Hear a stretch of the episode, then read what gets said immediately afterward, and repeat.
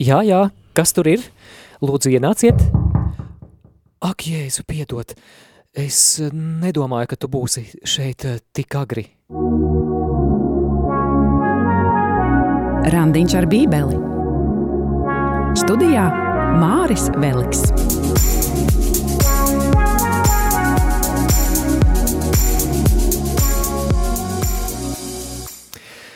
Nāksim Dieva priekšā, lai šodien ar atvērtām sirdīm studētu Dieva vārdu.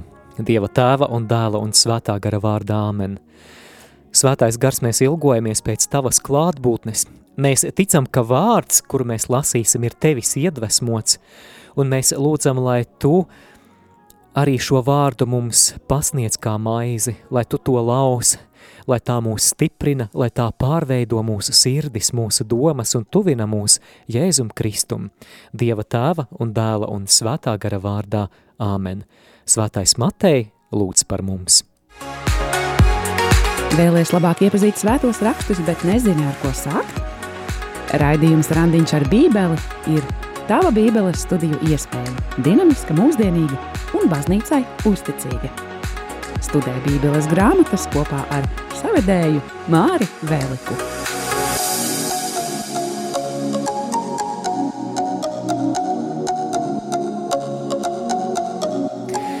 Sveiciens visiem bībeles draugiem, Māris Veliks šeit ēterā un attālināti kā vienmēr arī raidījumā Edmunds Puzulis, kurš rakstīs, kurš lasīs šīs dienas svēto rakstu fragmentu.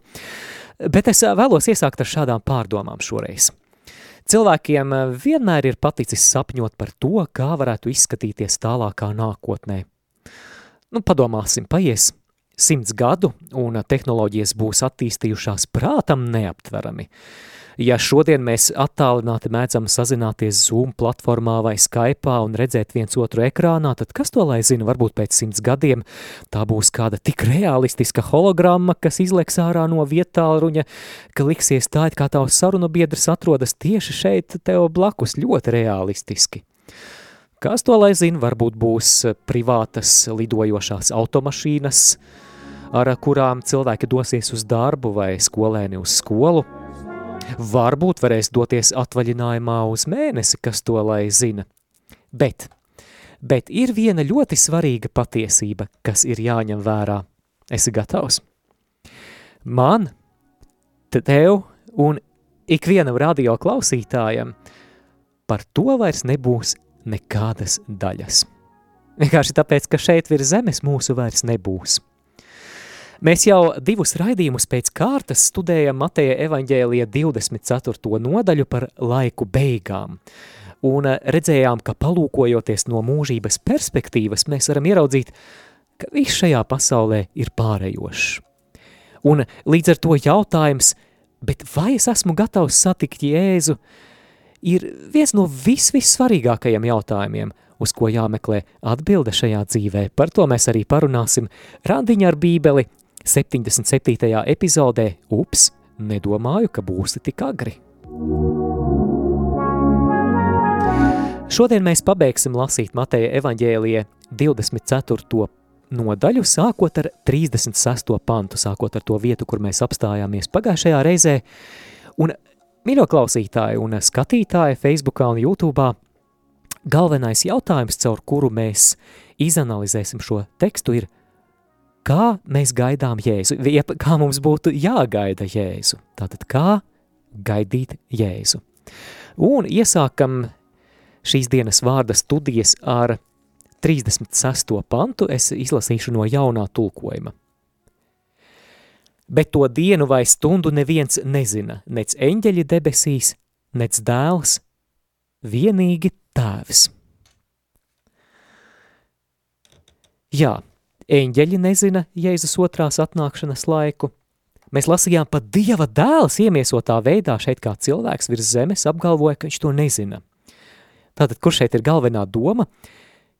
Ja jau eņģeļi nezina, ja jau Jēzus nezina, tad neviens virs zemes nevar apgalvot, ka viņam piemīt, ka viņam, viņa īpašumā ir kāda unikāla informācija par Jēzus otrās atnākšanas datumu.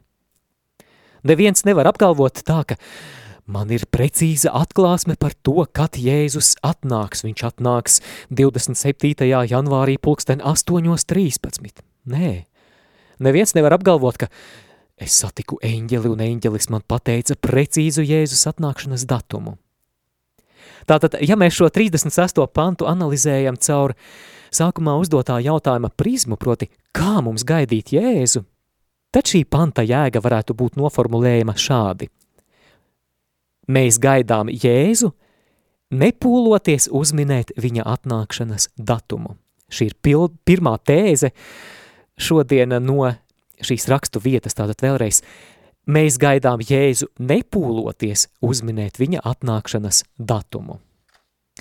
Un tomēr tu jau noteikti zini, mīļo draugs, mīļo bībeles lasītāji, ka kristiešiem visos laikos ir bijusi tendence uz pretējo.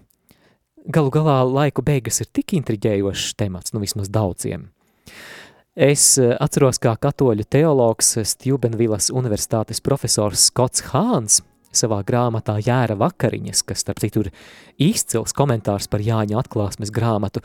Man patīk, kā viņš ir grāmatas ievadā runā par to, ka viņa dzīves laikā ir nomainījušās tik daudzas teorijas par to, caur kādu prizmu tad Jāņa atklāsmes grāmata skaidrojuma. Un lielākā daļa no autoriem, kā Skots Hāns norādīja, centās šo grāmatu skaidrot cauri tā laika politisko notikumu prizmai.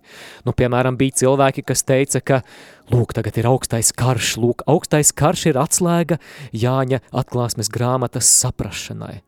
Augstais, gars, augstais karš beidzās, un eh, tad nāk atkal citas tendenciozas teorijas, jaunas spekulācijas, tad atkal jaunas – Nemaz jau nerunājot par to, ka pasaules vēsturē ir bijuši daudzi neveiksmīgi laiku beigu prognožu piemēri. Un, piemēram, Jehovas lieciniekiem nācās vairāk kārt atlikt Armagedona prognozi. Tika pasludināts, ka tas notikšot 1925. gadā, mm, nesanāca, neatnāca, vēlāk 1975. gadā, un tomēr neskāpēc pasaule vēl stāv uz vietas. Varbūt arī tu klausītāji atceries vairāk kārtējus arī nesenāku laiku pareģojumus, kad ir jāiestājas pasaules galam. Es atceros, ka pēc māju kalendāra kādi solīja, ka pasaules galam būtu jāiestājas 2012. gada 21. decembrī. Mm, tomēr neiestājās. Jēzus Mateja evaņģēlija 24. nodaļas 36. pantā saka, ir svarīgākas lietas, kam pievērst uzmanību. Tev nav jāizzīlē Jēzus atnākšanas datums. Ne jau velti debesu tēvs to nav atklājis, jo ir kādas citas svarīgākas lietas, kurām pievērst uzmanību par tām mazliet vēlāk. Tātad pirmā doma – mēs gaidām Jēzu, nepūloties uzminēt viņa atnākšanas datumu.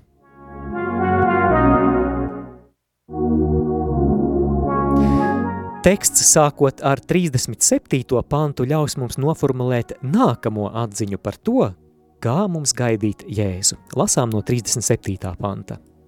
Jo kā bija nosa dienās, tā būs arī cilvēka dēla atnākšana. Jo kā tais dienās pirms ūdens plūdiem tie rīja un plītēja, precējās un devās laulībā, līdz tai dienai, kad nosis iegāja šķirstā, un tie nenāca pie saprašanas, tie, kam splūdi nāca un aizrāva visus. Tāpat būs arī cilvēka dēla atnākšana.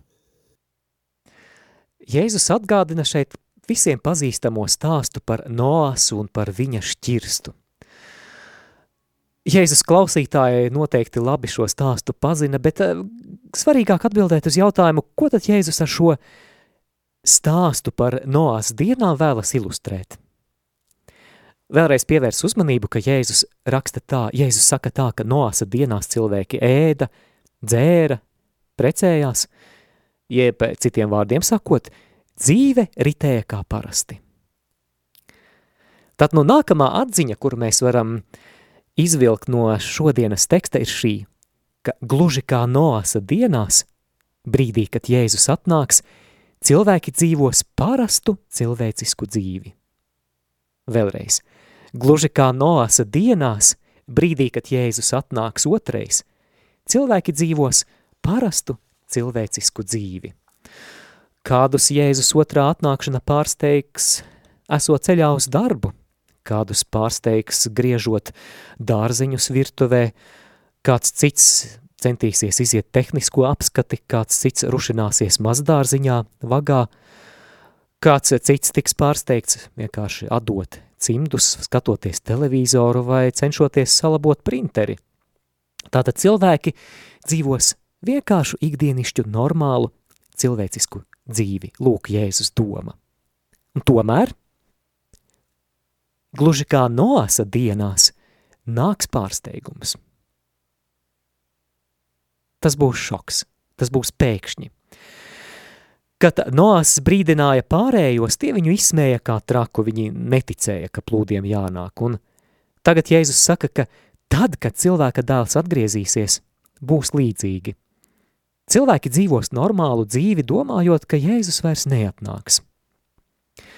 Un te mēs varētu jautāt, kā mēs gaidām Jēzu? Kā tu gaidi Jēzu? Kā mēs, kas esam Kristus sekotāji, kā mēs gaidām Jēzu? Tālāk Jēzus sniedz vēl vienu piemēru no ikdienas dzīves, lasām 40. un 41. pantu. Tad divi būs laukā, vienu paņems, bet otru atstās. Divas malas dzirnavās, vienu paņems, otru atstās. Jā, interesanti, te ir divi cilvēki, bet uh, dažāds iznākums. Abi cilvēki dara to pašu. Viņi ir ārēji pilnīgi identiskos apstākļos, tomēr viens tiek, tiek izglābts, bet otrs tiek pazudināts.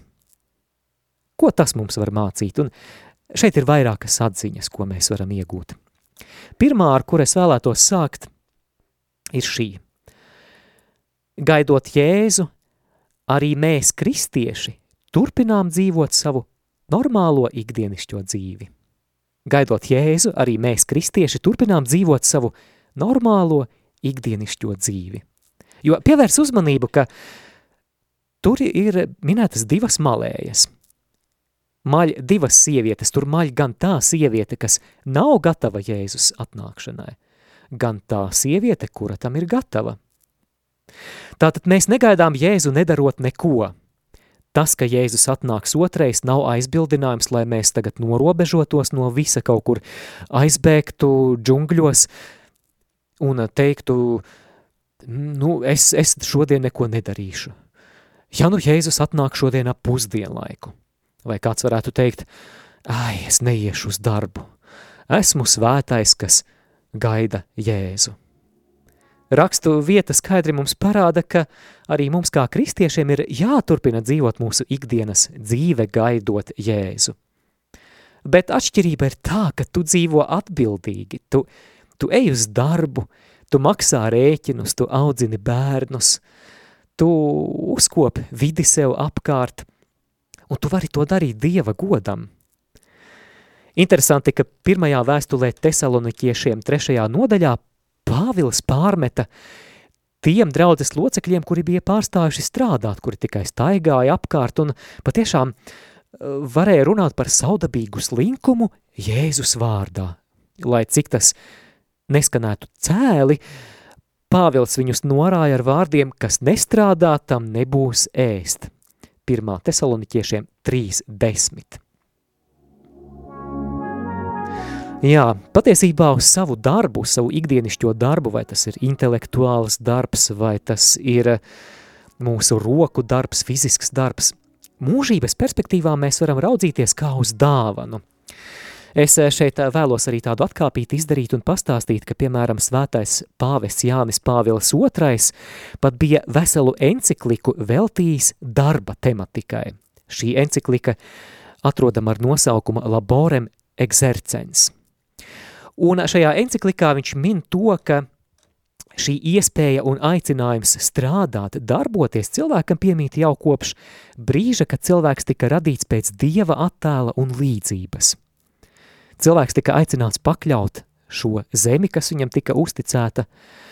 Un kā Jānis Pāvils II atzīmē šajā encikli, enciklikā, ka darbs, lai arī tas var būt grūts, mums nav jāuzskata par dieva sodu par grēku. Es citēšu tagad pāvestu Jāni Pāvilu otro. Caur darbu viņš raksta enciklikā, cilvēks nevien pārveido dabu, pielāgojot to savām vajadzībām, bet arī sasniedz piepildījumu kā cilvēciska būtne un savā ziņā lielākā mērā kļūst par morālu būtni.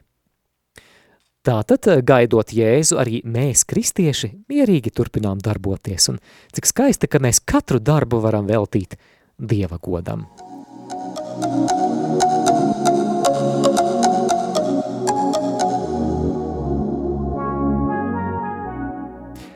Nākamā atziņa – katrs cilvēks dos Dievam norēķinu par nodzīvoto dzīvi. Katrs cilvēks dos Dievam norēķinu par nodzīvoto dzīvi – Mēs eh, dzirdējām iepriekšējos pantos, ka divas sievietes maļ. Tajā laikā parasti šo darbu darīja divas eh, tuvas sievietes, piemēram, divas māsas vai māte un meita, un situācija pie dzirnavām šeit mums parāda, ka varbūt māte debesīs, bet meita ellē, vai otrādi. Katoliskā baznīca māca un uzsver, ka ik viens cilvēks reiz stāsies Dieva tiesas priekšā – tam neizbēgs neviens. Un līdzība šī mums parāda divus cilvēku tipus – izglābtos un pazudušos. Bet eh, jautāsim, kāda tad ir galvenā atšķirība starp šiem diviem tipiem? Un šeit nākamā atziņa. Izglābts tiek tas, kurš ir gatavs satikt Jēzu. Izglābts tiek tas, kurš ir gatavs satikt Jēzu. Jā, vienalga, vai mēs runājam par Jēzus otro atnākšanu laiku beigās, vai mēs runājam par savu personisko nāvi, viena lieta ir būt kopā ar Dievu, pavisam cita un radikāli pretēja ir lieta būt bez Dieva vai būt pret Dievu. Tātad viens tic, ka Jēzus atgriezīsies, otrs cilvēks netic. Un eh, svarīga doma, kā mēs to redzēsim turpmākajā tekstā un kā mēs to redzēsim arī Mateja 25. nodaļā, kurus sāksim studēt jau nākamreiz, svarīga doma ir šī. Esiet gatavi. Esiet gatavi.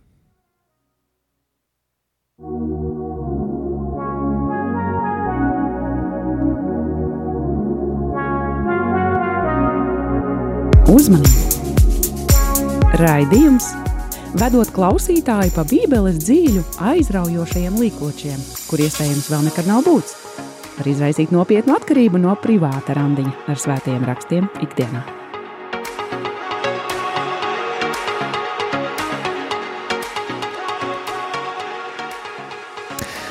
Turpinām lasīt Mateja evaņģēlija 24. nodaļu un turpinām ar 42. pantu un uz priekšu. Tāpēc esiet modrīgi, jo jūs nezināt, kurā stundā jūsu kungs nāk. Bet to saprotiet, ja nama kungs zinātu, kurā stundā zaglis nāks, tad tas paliktu nomodā un neļautu ielausties savā namā. Tāpēc esiet arī jūs gatavi, jo cilvēka dēls nāks tajā stundā, kuru jūs nedomājat. Zagļa ielaušanos eh, ir ļoti, ļoti grūti prognozēt. Mēs pat eh, lielākoties nevaram prognozēt, kad mums eh, kāds nozok velosipēdu vai kad kāds mm, kaut vai izrauj kaut ko no mūsu dārza dobes. Ja mēs to zinātu, mēs noteikti gaidītu pie durvīm ar beisbola nūju.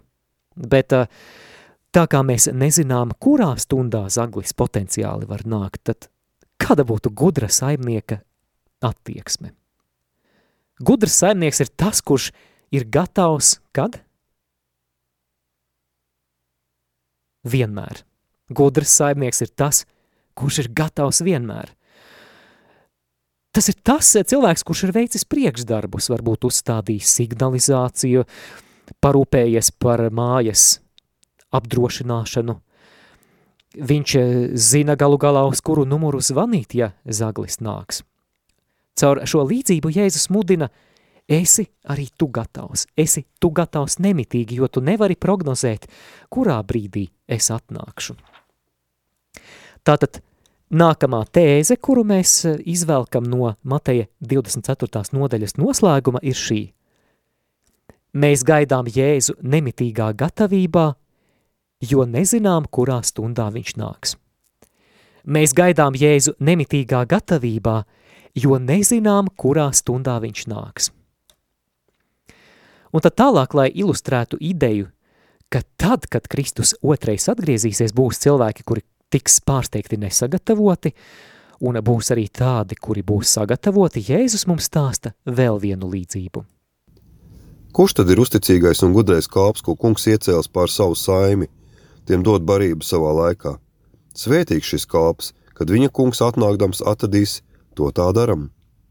Patiesi es jums saku, viņš to iecels pār visām savām mantām. Bet ja ļaunais kalps sacīs savā sirdī, mans kungs kavējas nākt un iesāks sist savus darba biedrus un rīt un plītēt ar plītniekiem, tad šī kalpa kungs nāks tādā dienā, kad viņš to negaida un tādā stundā, kas viņam nav zināma, un viņš ķels pušu un tam dos algu kopā ar liekuļiem. Tur būs raudāšana un zobu trīcēšana. Mēs jau minējām divus cilvēku tipus – glābtos un neglābtos. Savukārt, nu pat dzirdētajā līdzībā Jēzus runā par divām pretējām attieksmēm. Un vai tu pamanīji, mīļo klausītāji, ka abus kalpus, gan gudro kalpu, gan nekrietno kalpu, viņus kaut kas vieno. Un kas ir tas, kas viņus vieno? Viņi abi zina, ka saimnieks reiz pārnāks mājās. Viņi abi to zina. Arī nekrietnais kalps zina, ka reiz um, kungs pārnāks mājās. Tātad, ko tas nozīmē? Šī līdzība ir par divām attieksmēm starp ticīgiem kristiešiem. Abi kalpi reprezentē kristiešus, kas tic, ka Jēzus reiz atnāks. Tomēr to attieksmes pret šo faktu ir radikāli atšķirīgas. Ja pirmais kungu gaida nemitīgas gatavības stāvoklī, tad otrais kunga prombūtni uztver kā iespēju ļaunprātīgi izmantot uzticēto atbildību. Mēs dzirdējām par pirmo kalpu, ka viņš tiek iecelts par pārvaldnieku saimnieka mājā, saimnieka prombūtnes laikā, bet viņš ir uzticams, viņš ir gudrs kalps, viņš vada labi, viņš baro padotos īstajā laikā, un uh, dzirdējām arī, ka tā kā viņš ir bijis uzticams, viņam būs alga, viņam uzticēs vēl vairāk, un te atbalsojas Jēzus vārdi no citas rakstu vietas, ka kas mazās lietās uzticams, tas arī lielās lietās būs uzticams. Jā, tā ir pareiza attieksme, šis kalps apzinās, kas tad viņam ir uzticēts, un eh, viņš to lieto kunga godam. Savukārt ir arī otra grupa, un eh, tas ir dzīves stils pilnīgā kontrastā pirmajam. Bet ja ļaunais kalps sacīs savā sirdī, mans kungs kavējas nākt un iesāks sist savus darba biedrus un rīt un plītēt ar plītniekiem, tad šī kalpa kungs nāks tādā dienā, kad viņš to negaida un tādā stundā, kas viņam nav zināma. Šis kalps bija ļauns tādēļ, ka domāja, ka ir pietiekami laika pirms saimnieka atgriešanās. Viņš saka, mans kungs kavējas nāk, nu ko, es to varu izmantot savā labā. Šodien šāds kalps iespējams teiktu, nu, jā, es ticu Dievam, bet nu es vēl esmu procesā ar viņu, vai nu man vēl ir daudz laika, lai visu sakārtotu, vai bet nu neviens taču nav perfekts. Es eh, skatījos Dienvidkorejiešu filmu Parazīti. Starp citu, pirms vairākiem gadiem šī filma saņēma zelta palmas zaru Kannu kinofestivālā. Tā ir eh, melnā komēdija. Diezgan nežēlīga, bet tai pašā laikā arī smieklīga. Un eh, man šīs filmas sižets sasaucas ar šo Jēzus līdzību par slikto kalpu, jo filma ir stāsts par ģimeni, kura cenšas iedzīvoties uz kādas bagātas ģimenes rēķina, strādājot kā kalpotāji viņu villā, grēzna māja. Kādu dienu villas saimnieki dodas izbraukumā uz ilgāku laiku, un tieši to viltīgā kalpotāju ģimene bija gaidījusi. Eh, Saimnieku tagad nav mājās un ballīte var sākties. Viņi no barčika izvelk dārgus saimnieku dzērienus, izsaimnieko to, ko nedrīkst. Pilnīgs bardaks. Un piepeši tuk tuk. Viņiem par pārsteigumu saimnieki atbrauc. Agrāk nekā bija prognozēts. Nelāga situācija. Līdzīgi šis nekrietnais kalps līdzībā izmanto kunga prombūtni kā aizsegu visatļautībai. Viņš, kā mēs lasījām, sit līdzbiedrus, viņš dzēr, viņš ēt kopā ar dzērājiem. Šis māceklis izsaimnieko to, kas viņam ir uzticēts. Viņš bauda grēcīgu dzīvesveidu, un viņam absolūti nav nekādas steidzamības sajūtas par to, ka būtu jāatgriežas, ka dzīvesveids būtu jāmaina. Interesanti, reizēm mēs varbūt domājam, kāpēc kristieši turpina grēkot pat tad, ja ir saņēmuši vairāk kārtējus brīdinājumus. Iespējams, kādam no viņiem nospēlē šī ilūzija, ka ir jau taču laiks. Tagad laiks citām lietām, es esmu jauns un vēlāk pēc desmit gadiem sakārtošu visu. Paiet desmit gadi, nekas nemainās. Nu, man taču vēl ir laiks, eh, vēlāk tuvāk vecumdienām pienāk pensijas gadi, un kad, kad pensijas laiks pienācis, eh, saka, nu gan jau pirms nāves nokārtošu, Dievs taču ir ļoti žēlsirdīgs. Kādu laiku pirms Covida laikā man bija iespēja būt eh, kalpošanā slimnīcās otrdienu vakaros kopā ar svētā Kamila kalpotāju grupiņu. Mēs staigājām pirms mises pa palātām, līdzīgi kā Marijas leģions to dara. Un man nācās satikt cilvēkus, kuri bija ticīgi, bet uh, uz uh, piedāvājumu, ka mēs varam priesteri pasaukt uz palātu, varbūt jūs vēlaties sakramentus, varbūt gribat izlīkšanas sakramentu, svēto komuniju, varbūt varat atnākt uz svēto misi. Šiem cilvēkiem neko nevajag. Viņus tas neinteresē. Un kāpēc? Arguments šāds. Ar mums viss ir kārtībā, mēs jau vēl netaisāmies mirt. Jā, manuprāt, šajā mentalitātē mēs eh, atliekam, atliekam, nu, mēs vēl netaisāmies mirt, tad, kad mēs taisīsimies mirt, tad eh, gan mēs varētu pamainīt prioritātes. Patiešām kunga šķietamā prombūtne var kļūt par aizbildinājumu bezdievīgai dzīvei. Bet tomēr par ko runā svētie raksti, uz ko tie mūs aicina?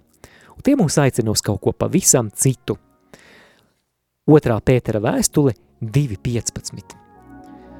Un uzskatiet mūsu kunga pacietību kā glābšanai dotu. Tātad mūsu kunga pacietība kam dota, lai, lai mēs varam rīkoties kā vēlamies? Nē. Kunga pacietība ir kā glābšanai dota. Mēs esam aicināti nožēlot, izlīgt ar Dievu. Un Tas ir vārds ticīgajiem. Ticīgajiem, kuri mēģina dzīvot savu dzīvi, sēžot uz diviem ķeblīšiem. Kā tu gaidi Jēzu?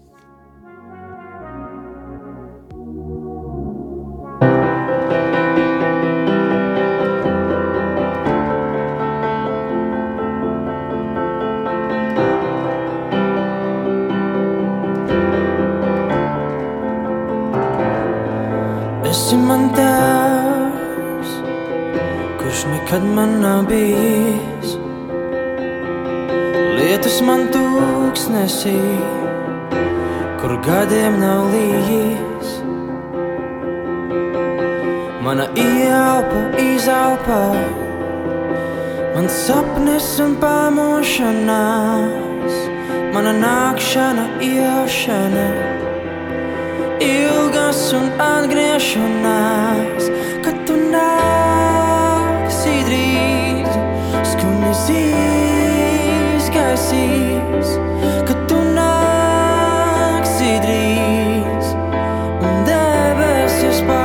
pāršķelsi pušu, ka tu nāksi drīz, gaisma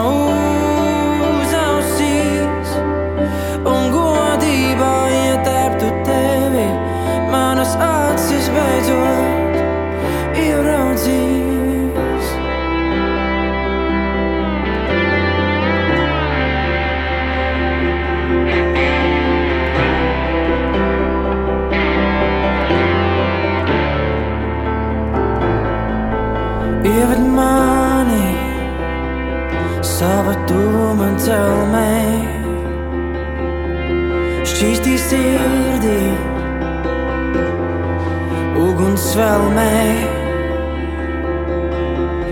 No svētumā uz svētumu, no godības godībā jaunā, atpirkta mēs.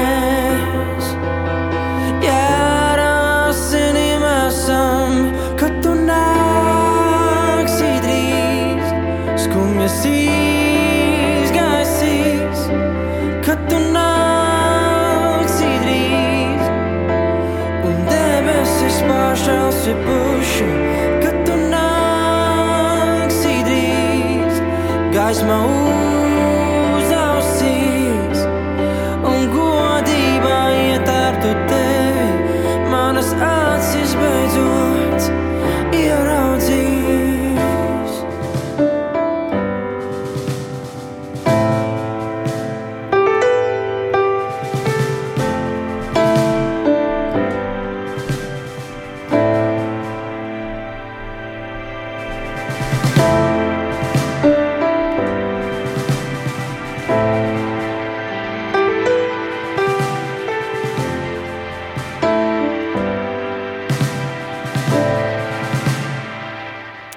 Randiņš ar bībeli atpakaļ ēterā, Māris Veliks šeit pie mikrofona. Turpinām Mateja evaņģēlija 24. nodaļas studijas, un mums vēl pēdējais pants ir atlicis. Diezgan skarba realitāte. un viņš ķels pušu, un tam dos algu kopā ar liekuļiem. Tur būs raudāšana un zobu trīcēšana. Nu, tagad gan viss. Jā, nu tagad gan viss pārteiktais kalps saņem sodu. Kā mēs gaidām Jēzu? Un eh, paldies kādam klausītājam, kas eh, atsūtīs arī komentāru. Labdien, es negaidu Jēzu kaut kā īpaši, jo viņš tāpat atnāks. Bet mana dzīve paiet, cenšos nodzīvot savu dzīvi. Paldies par šo komentāru, un manuprāt, te arī laba doma ir, kas sasaucās ar to, ko es biju minējis, ka mēs gaidām Jēzu kā tie, kas esam gatavi. Mēs gaidām Jēzu kā tie, kas esam gatavi.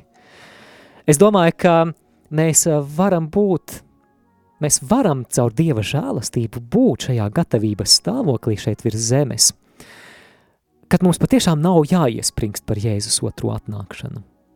Jā, no vienas puses mēs gaidām, bet tas paliek kaut kur fonā, mēs vienkārši dzīvojam šo dzīvi, bet mēs to varam dzīvot bez šīs spriedzes tieši tādēļ, ka mēs esam gatavi, ka mēs katru dienu esam draudzībā, vienotībā ar Jēzu.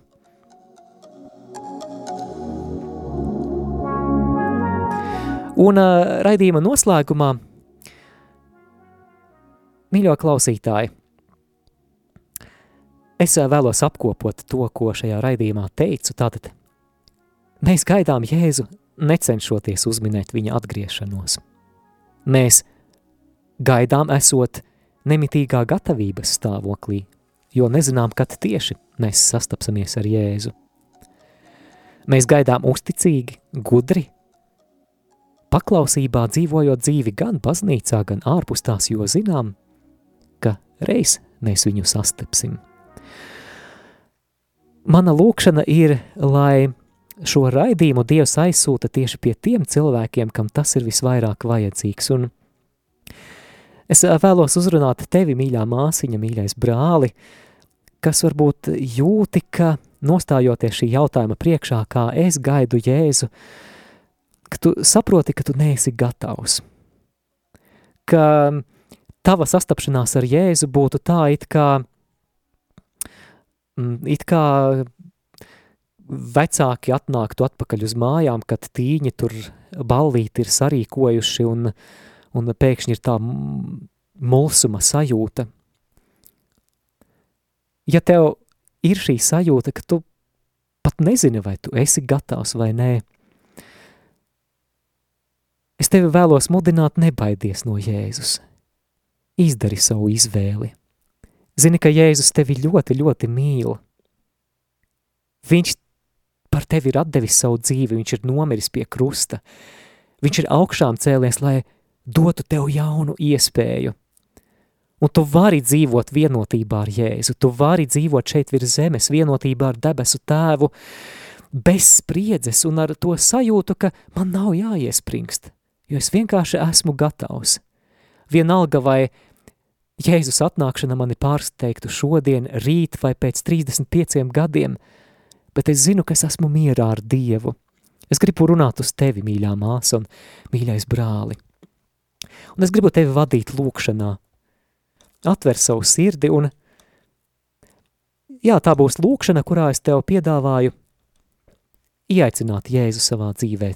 Tas ir tikai pirmais solis, bet tā ir jaudīga lūkšana. Ir tik daudz, daudz liecību, ka tieši šī izvēle lūkšanā pateikt Jēzum, jā, es tev atdodu savu dzīvi, es tev uzticu, sakārto manu dzīvi, ka tā ir bijusi sākums lielām pārmaiņām. Jo Jēzus reaģē uz katru mūsu pateikto jāvārdu. Tas Jēzum dot atļauju darboties mūsos.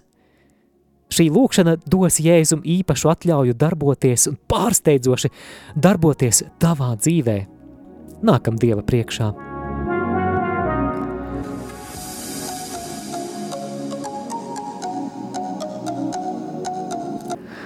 Vari atkārtot šo lūkšanu kopā ar mani.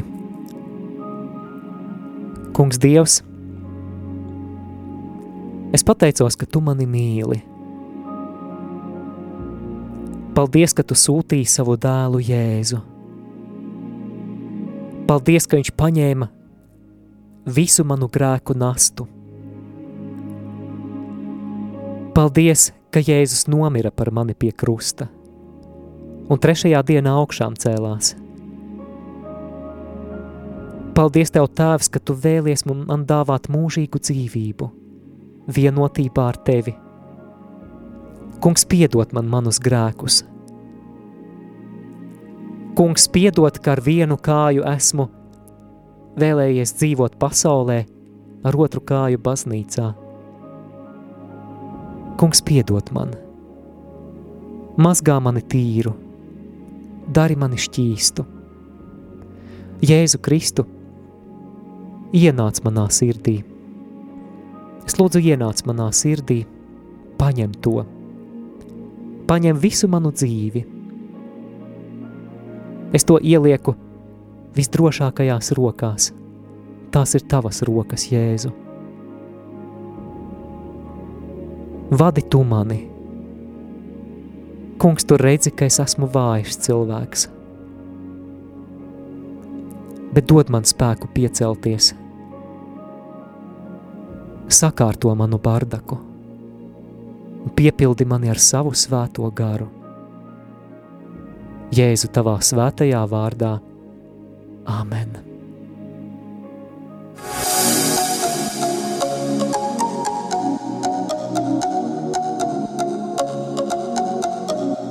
Jūs klausījāties raidījumu Randiņš ar Bībeli. Savas atsauksmes, ieteikumus un jautājumus sūtiet uz e-pastu randiņš ar bībeli at gmail.com. Iepriekšējās raidījuma epizodes aicinām meklēt arhīvā.